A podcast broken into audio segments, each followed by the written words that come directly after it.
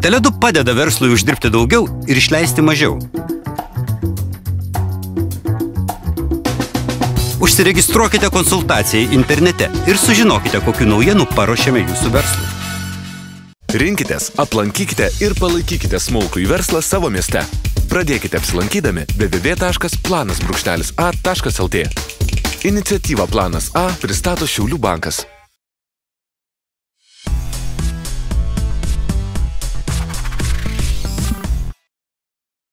Labadiena, esame Pinigų kartos akademija, o šiandienos dėmesio centre revoliucija. Ketvirtoji pramonės revoliucija. Pirmąjį impulsą davė atrasta garo mašina, antrąją atnešė elektros atradimas, o trečioji atšoliavo su kompiuteriais. Dabar esame ketvirtosios pramonės revoliucijos sukūriuose ir jį pasižymi technologijų sintezė, jų fizinė, skaitmeninė ir biologinė sąveika. Kaip šis naujas etapas keičia ir ateityje keis darbo rinką ko galime iš šios revoliucijos tikėtis rytoj ar po dešimtmečio.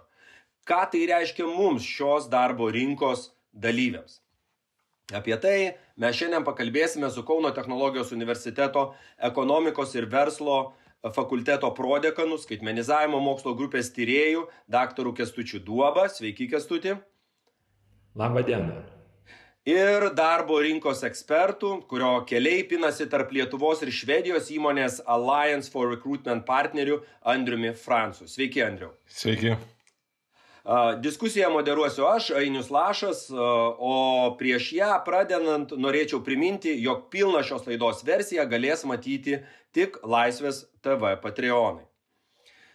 Kągi, revoliucija indikuoja tam tikrą radikalų virsmą, lūžį. Kestuti, kaip jis pasireiškia pramonės 4.0 kontekste? Koks tas lūžis? Tai ačiū Aini už klausimą. Iš tiesų, kaip ir pats minėjai, jau mes kalbame apie ketvirtąją tokią revoliuciją.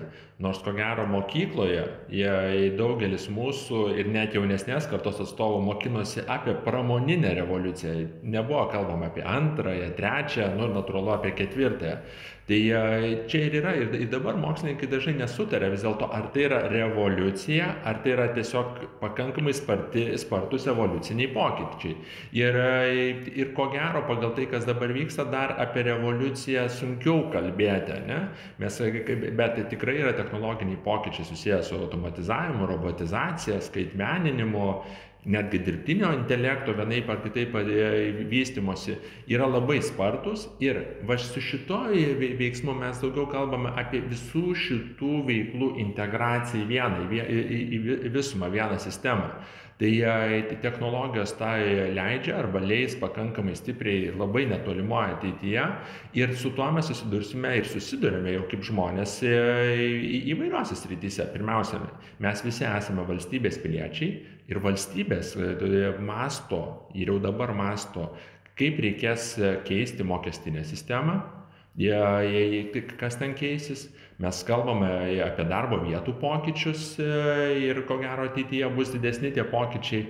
Ir mes kalbame apie visuomeninį, apie tarpusavį bendravimo dalykus, šitos apima žymiai platesnius, ne tik apie pramonę kaip po tokią, arba ne tik apie verslą, ir tame tarpe įskaitant ir netgi moralinius, etinius aspektus, kurie jau dabar mokslininkai nagrinėja ir jie netolimo ateityje bus e, labai svarbus. Tai apibendrinant, ar tai yra revoliucija, aš ne, ne, nepasakyčiau, kad šiandien dienai, bet kad dideli pokyčiai tikrai taip.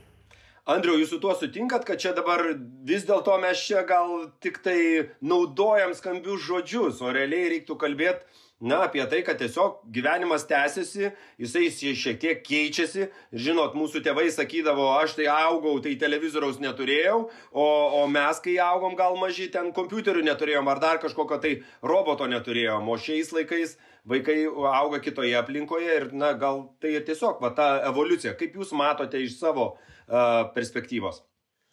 Aš manau, kad e, dabar net sunku įvardinti, dažniausiai pažymi, kuri čia ta pramoninė e, revoliucija įvyko tada, kada jinai jau įvyko.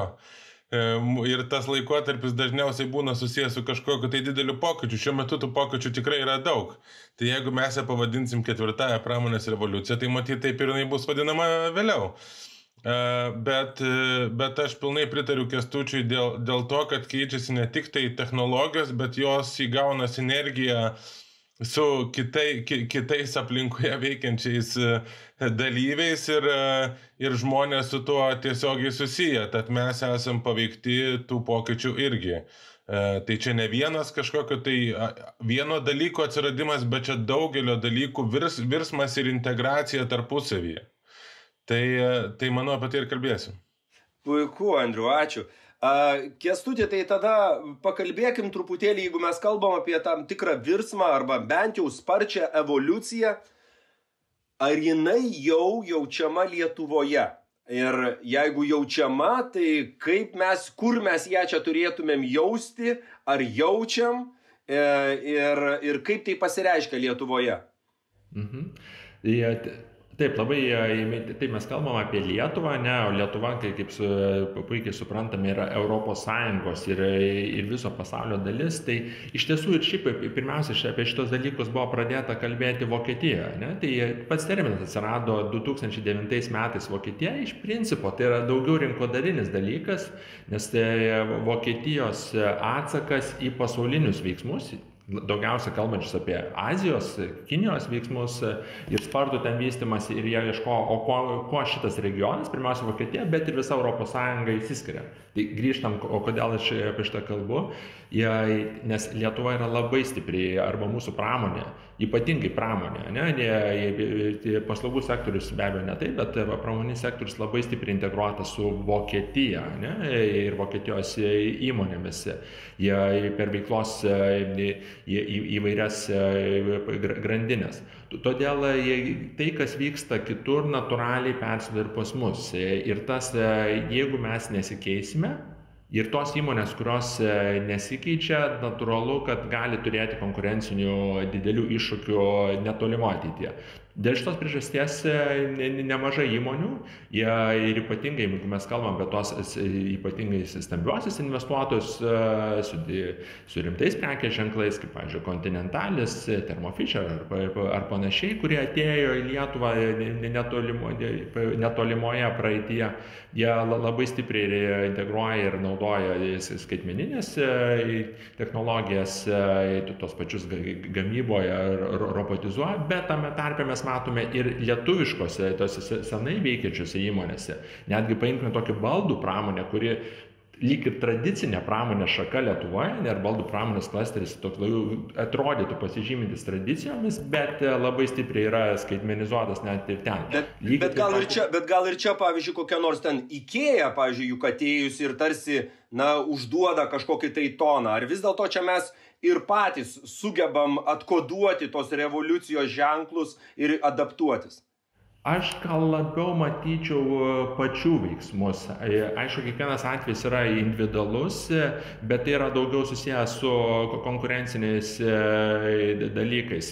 Jeigu tavo eko nes tu kaip rinkos dalyvis veiki ekosistemoje. Tu negali labai stipriai šokti ir mes turime pavyzdžių kai buvo labai novatoriški sprendimai kurie lietuvoj nebuvo įgyvendinti.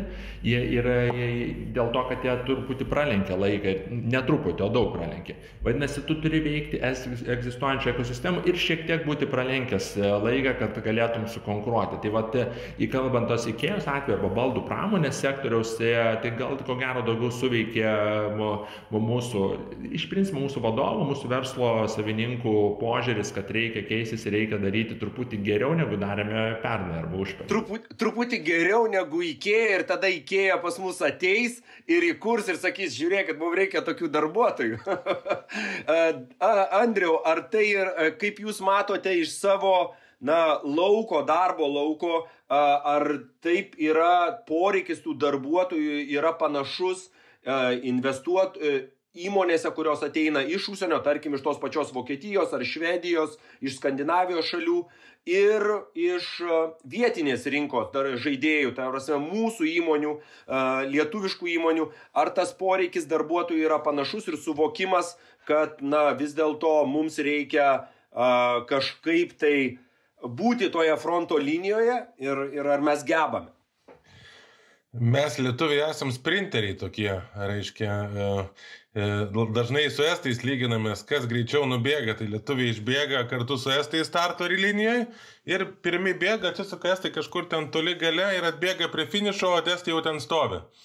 Tai, tai reiškia, kartais tą sprintą bėgant reikia, reikia matyti nebėgti zigzagais. Mes vis dar bėgam zigzagais ir, ir atbėgam iki to finišo vėliau, o tos šalis, kurios turi ilgalaikę, ilgesnę patirtį verslo gyvavimo. Mes e, galim sakyti, mes čia kiek čia, 19 metų, nu gerai, 20, sakykime, tas toksai verslas e, yra, yra, yra Lietuvoje, kuris gali vadinti verslu ne, ne pirk parduok. Mes dar mažai tų ciklų esame išgyvenę, tai va jau, jau reiškia devintų metų krizė kažko pamokė, jau dabar liktai reiškia praeitais metais kažką darėm e, kitaip, mažiau žmonių atleidom, daugiau stengiamės juos išlaikyti. Tai e, tas supratimas, kad e, vakarietiškas, kad tai yra iš tikrųjų ilgalaikiai santykiai, kad kompanija tikrai išliks ilgai, kad, kad visi sprendimai, kurie ir daromi, daromi tam, kad, kad kurtus ir didėtų įmonės pridėtinė vertė. Mes vis dar lietuviai labai dažnai esam subrangovai, tai reiškia tos piramidės apačioj. Mes kažkam kažkokį laidą ar ten pinam ar mesgam ar kažkokį, reiškia, bandelę kepam, bet logotipas ten ne mūsų yra. Tai čia mūsų didžiausias iššūkis į ateitį e, ir skirtumas tarp lietuviško verslo mes vis bandom išgyventi, kai tuo tarpu tie, kurie kūrė tos produktus patys ir turi tą savo prekinį ženklą, jie gali sakyti, aha, nu šiandien gaminsim ne Lietuvoje, bet e, Ukrainoje, o gal Makedonijoje, o gal, reiškia, Serbijoje, o gal ten Albanijoje. Tai Andriu, aš kaip suprantu, mes esame daug labiau pažeidžiami šitų pokyčių potencialiai. Absoliučiai. Ir mes save labai nuvertinam. Mes sakom, duok mums darbo, mes tau dirbsim, nu, va, už, už dyką ir kai ta pat, matai tą pačią prekę, kurią mes parduodam tam gamintojui už 200 eurų, čia jinai lentynoje kainuoja 1000. Tai ta prasme, kur tavo pridėtinė vertė, kuri yra, ar tavo tu tam 200 eurų lygyje žaidi, ar tu turi tą 800 lašinius, kuriuos tu gali panaudoti ir susitraukiant, reiškia, kažkaip tai e, e, išlaikyti organizaciją. Tai vad mums čia yra didžiausias ateities iššūkis, bet, bet kokiu atveju, nes Lietuva nebėra pigių kaštų šalis. Mes esam jau brangi šalis, mes esam brangesni negu ispanai, esam brangesni negu portugalai, esam brangesni negu graikai. Rimtai senosios... mes esam brangesni nei ispanai? Taip, taip, taip. Mes pagal, pagal sukūrimą BVP jau seniai juos pralenkėm. E, tik tai čia aišku, pas, nes ispanai krito dabar, ypač per pastarąsias, reiškia, porą metų. Mes, mūsų, mūsų BVP tiek nekrito. Ir toj vietoj mes juos aplenkėm. Tai reiškia, kad mūsų sukūrima vertė yra didesnė. Ir kai lyginam pagal darbo, darbo jėgos, labai dažnai lyginam pagal darbuotojo kainą. Tai net ir va, tuose pačiuose paslaugų centruose ne, e, reiškia, kartais tenais net ir yra pigiau pasamdyti žmogų Barcelonoje negu Vilniui. Su tam tikrom kompetencijom. Tai mes apie tai nesusimastom, bet sakom, o mes čia per mažai uždirbam. Mes turim galvoti, kaip mes galim kur didesnį pridėtinę vertę, o ne per mažai uždirbti. Kestuti, prašau, matau keli ranką. Nesutiksi turbūt. Ne, aš tikrai sutinku, ką Andrius sakė ir, ir netgi priešingai, tai prasme, gal norėčiau ir papildyti, ką Andrius kalbėjo tik. Tai iš tiesų šitas, čia ne tik Lietuvos atvejais, ne, ir mes kalbėtume, jeigu šiek tiek platesniam kontekste, ko gero dar yra toks mitas, kad Azijoje, ar ypatingai mes kalbame apie Kiniją, gaminti yra pigiau. Jeigu mes kalbam apie tuos didžiuosius centrus, e, kaip, pavyzdžiui, Šanhajus ir panašus, nebe, ir jau senai nebe, ir jie šitą irgi suprato, tarp kitko, Lietuvoje yra pagaminti pigiau, negu kad e, Šanhajaus regione. Ir ten darbo jėga yra dar brangesnė. Ir jie šitą jau senai suprato ir tai jie už tai pradėjo investuoti į technologinį pokytį, tai sukūrė strategiją Kinija 2025, jie, reiškia, 25 metais turi pasiekti tą vadinamą ketvirtą pramonės revoliuciją, ne, reiškia, liko jau tik tais keletas metų jiems ir, ir kad kuo mažiau va, pačioje gamyboje panaudoti darbo jėgos, bet daugiau paskirti į aukštesnės pridėtinės vertės kūrimą. Tai reiškia į, į vadovavimą, į produktų kūrimą, į paslaugų kūrimą ir taip toliau. Tai jeigu grįžtume mes į Lietuvą, mes irgi turime apie šitus dalykus galvoti. Ir nes mes jau, jeigu daugelis mūsų konkurencijų pranašumo, ką ir Andrius sakė, buvo paremta pigesnė darbo jėga, santykinai pigesnė negu kad kitose, rytų, kitose Europos šalyse, tai jau nebe. Ir, vadė, ir jeigu grįžtant į gamybos sektorių, o kuris mums kaip Lietuva yra labai svarbus šitas sektorius, tai mes esame dar konkurencingi, bet jau nebestipriai ne Europos kontekste. Ja, bet įdomiausia, tai aš pritariu Andrius, ką minėjo, tai mes daugeliu atveju tai yra teikiam gamybos paslaugas, tarsi gamybą pačią, ne? Ir, ir iš tikrųjų, tai tik pusę procento, tik pusę procento Lietuvos inovatyvių įmonių galvoja apie papildomų paslaugų teikimą savo klientams.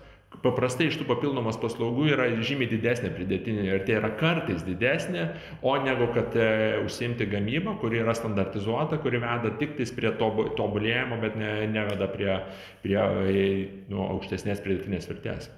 Kestuti, e, tada klausimas yra toks. Ko reikia, kad mes pajudėtumėm tą linkmę? palindėtumėm tos didesnės pridėtinės vertės linkme. Aš suprantu, čia yra e, keliasdešimties milijonų vertės klausimas turbūt, bet prašau, kas tu.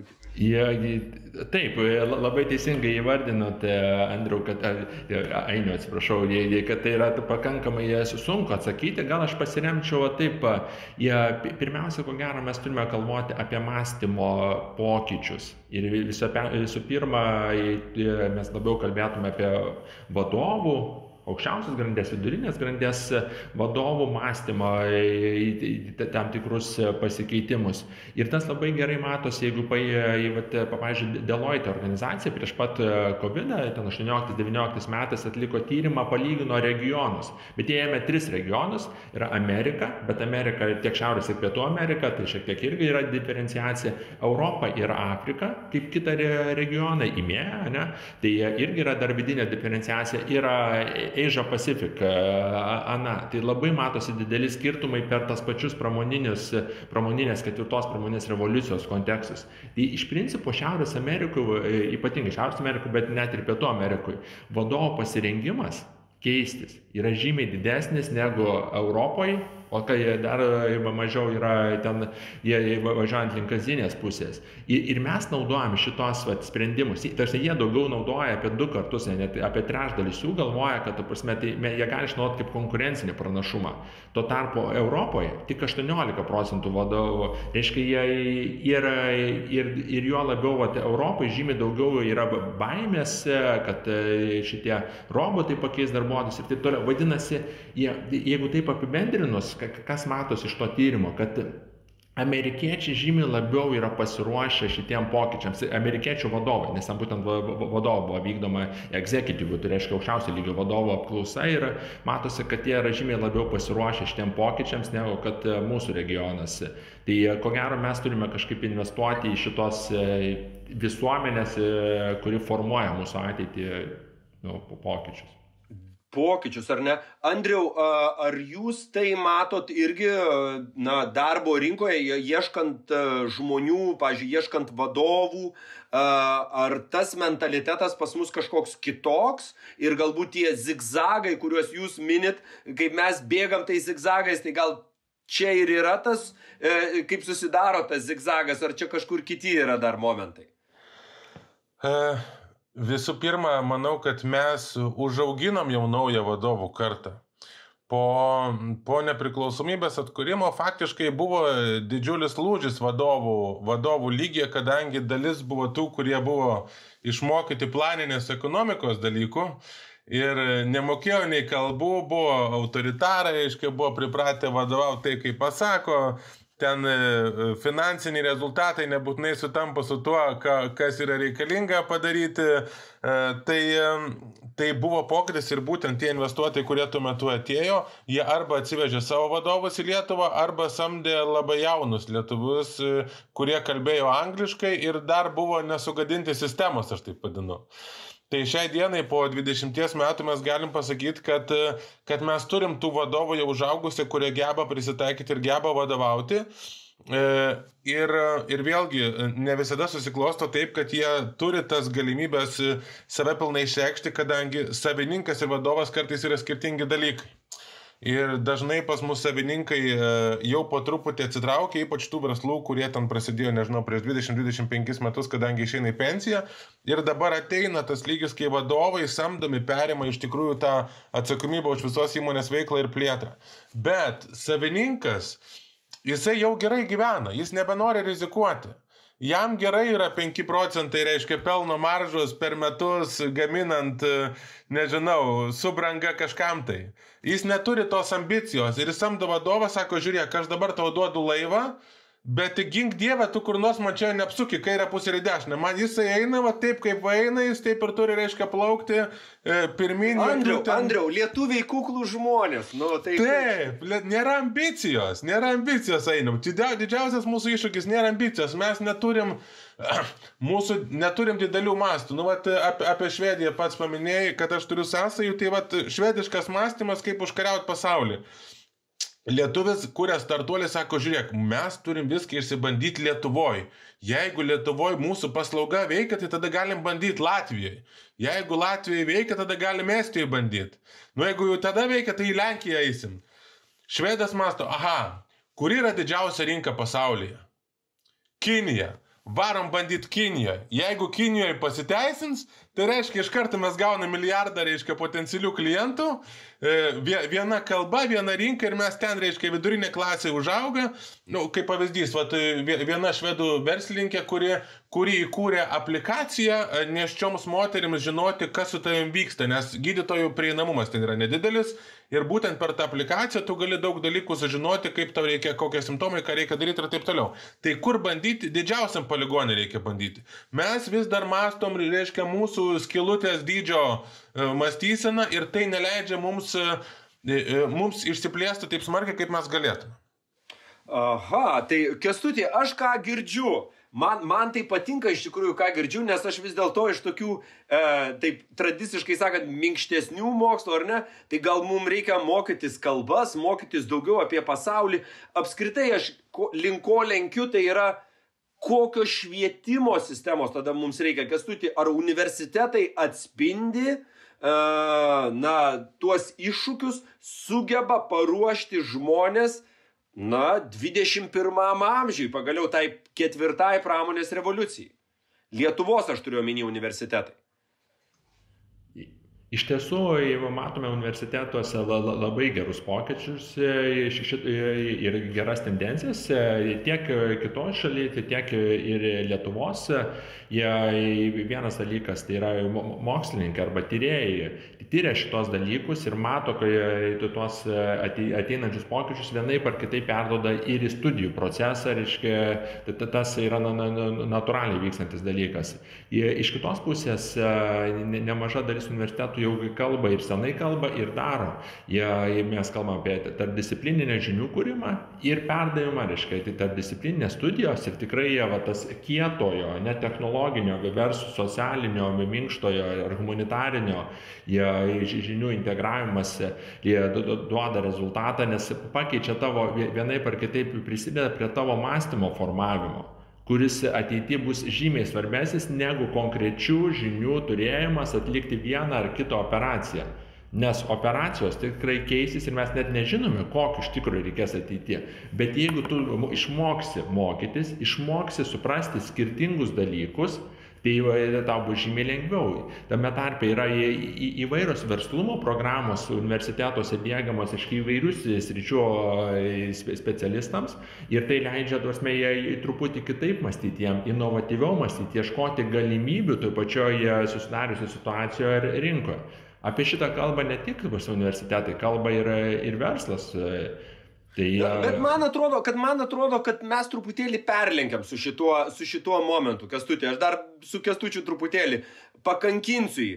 Uh, žiūrėk, man kas įdomu yra tai, kad, žinot, mes kalbam, vat, kad reikia čia to tarpdiscipliniškumo, keisis ten visokie žinios ir dar reikalai, bet tarkim, ten kokia bus ar chemija, ar kažkas, suvo, ar biologija, tų procesų pamatinis suvokimas na, yra būtinas bet kokiai inovacijai. Tu negali iš oro dabar sugalvot kažką tai, jeigu tu, ne, jeigu tu nesupranti, ten pavyzdžiui, nežinau, sugalvoti naujas saulės, naujus saulės elementus, ar ne?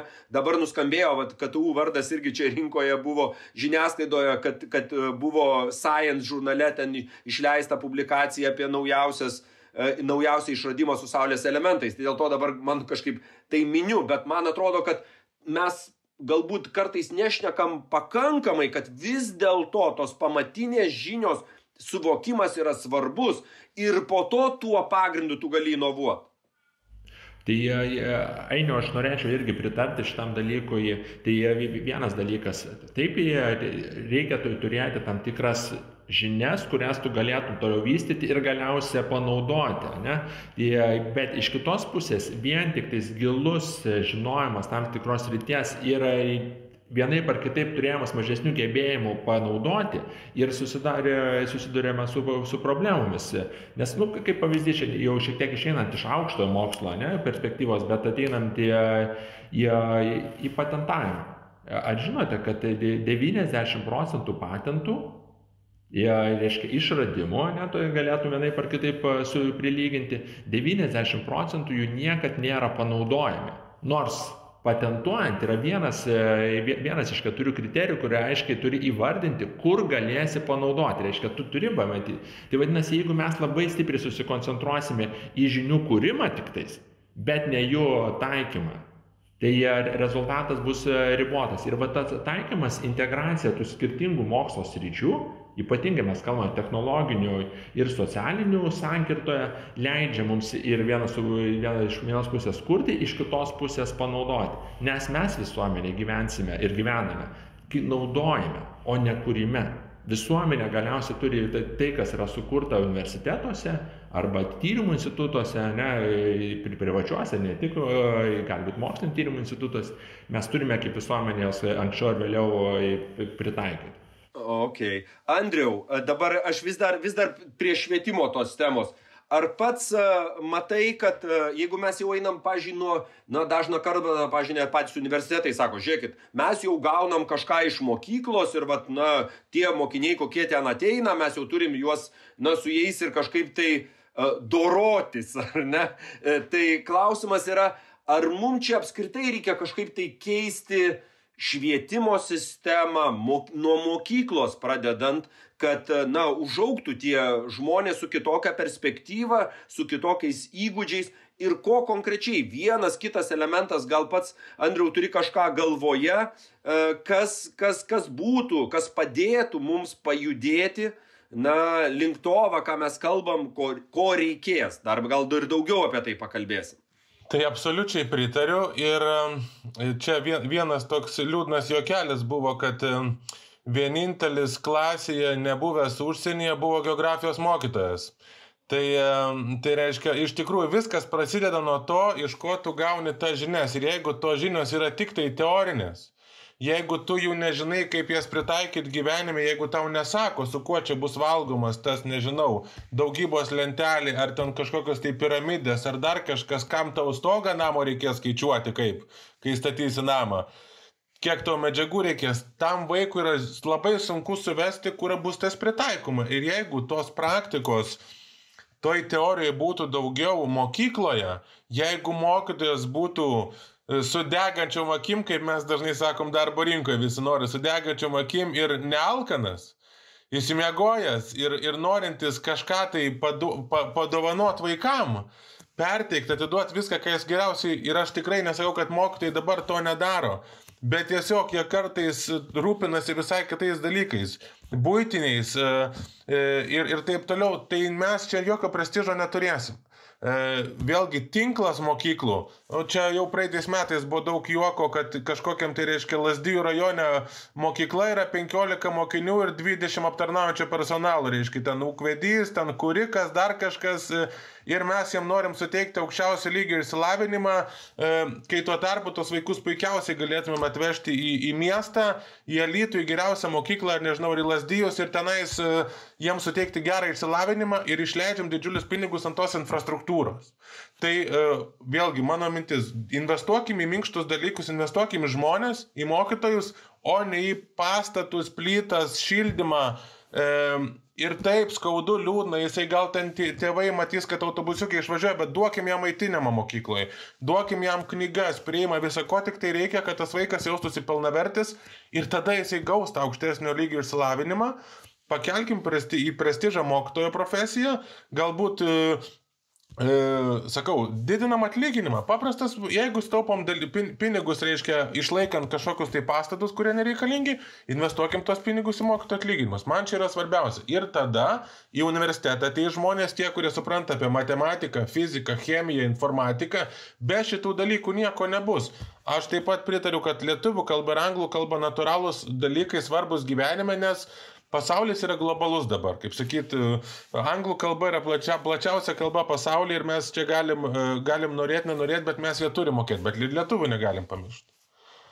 Supratau, na, aš matau, kad čia Andrius jau eina link link e, akademinės, ne, atsiprašau, ne akademinės, bet politinės karjeros, e, galbūt jau reiktų kalbėti apie kokią nors viceministrą. Ne, ne, ne, vis, visiškai ne. Aš einu, jeigu kada nors, tai pririškit mane prie radiatoriaus su kokiam nors, reiškia, grandinėm, kad...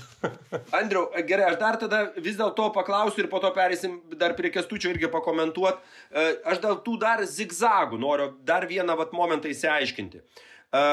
Visa mūsų biurokratinė sistema, teisinė sistema, teisinis uh, reguliavimas verslo.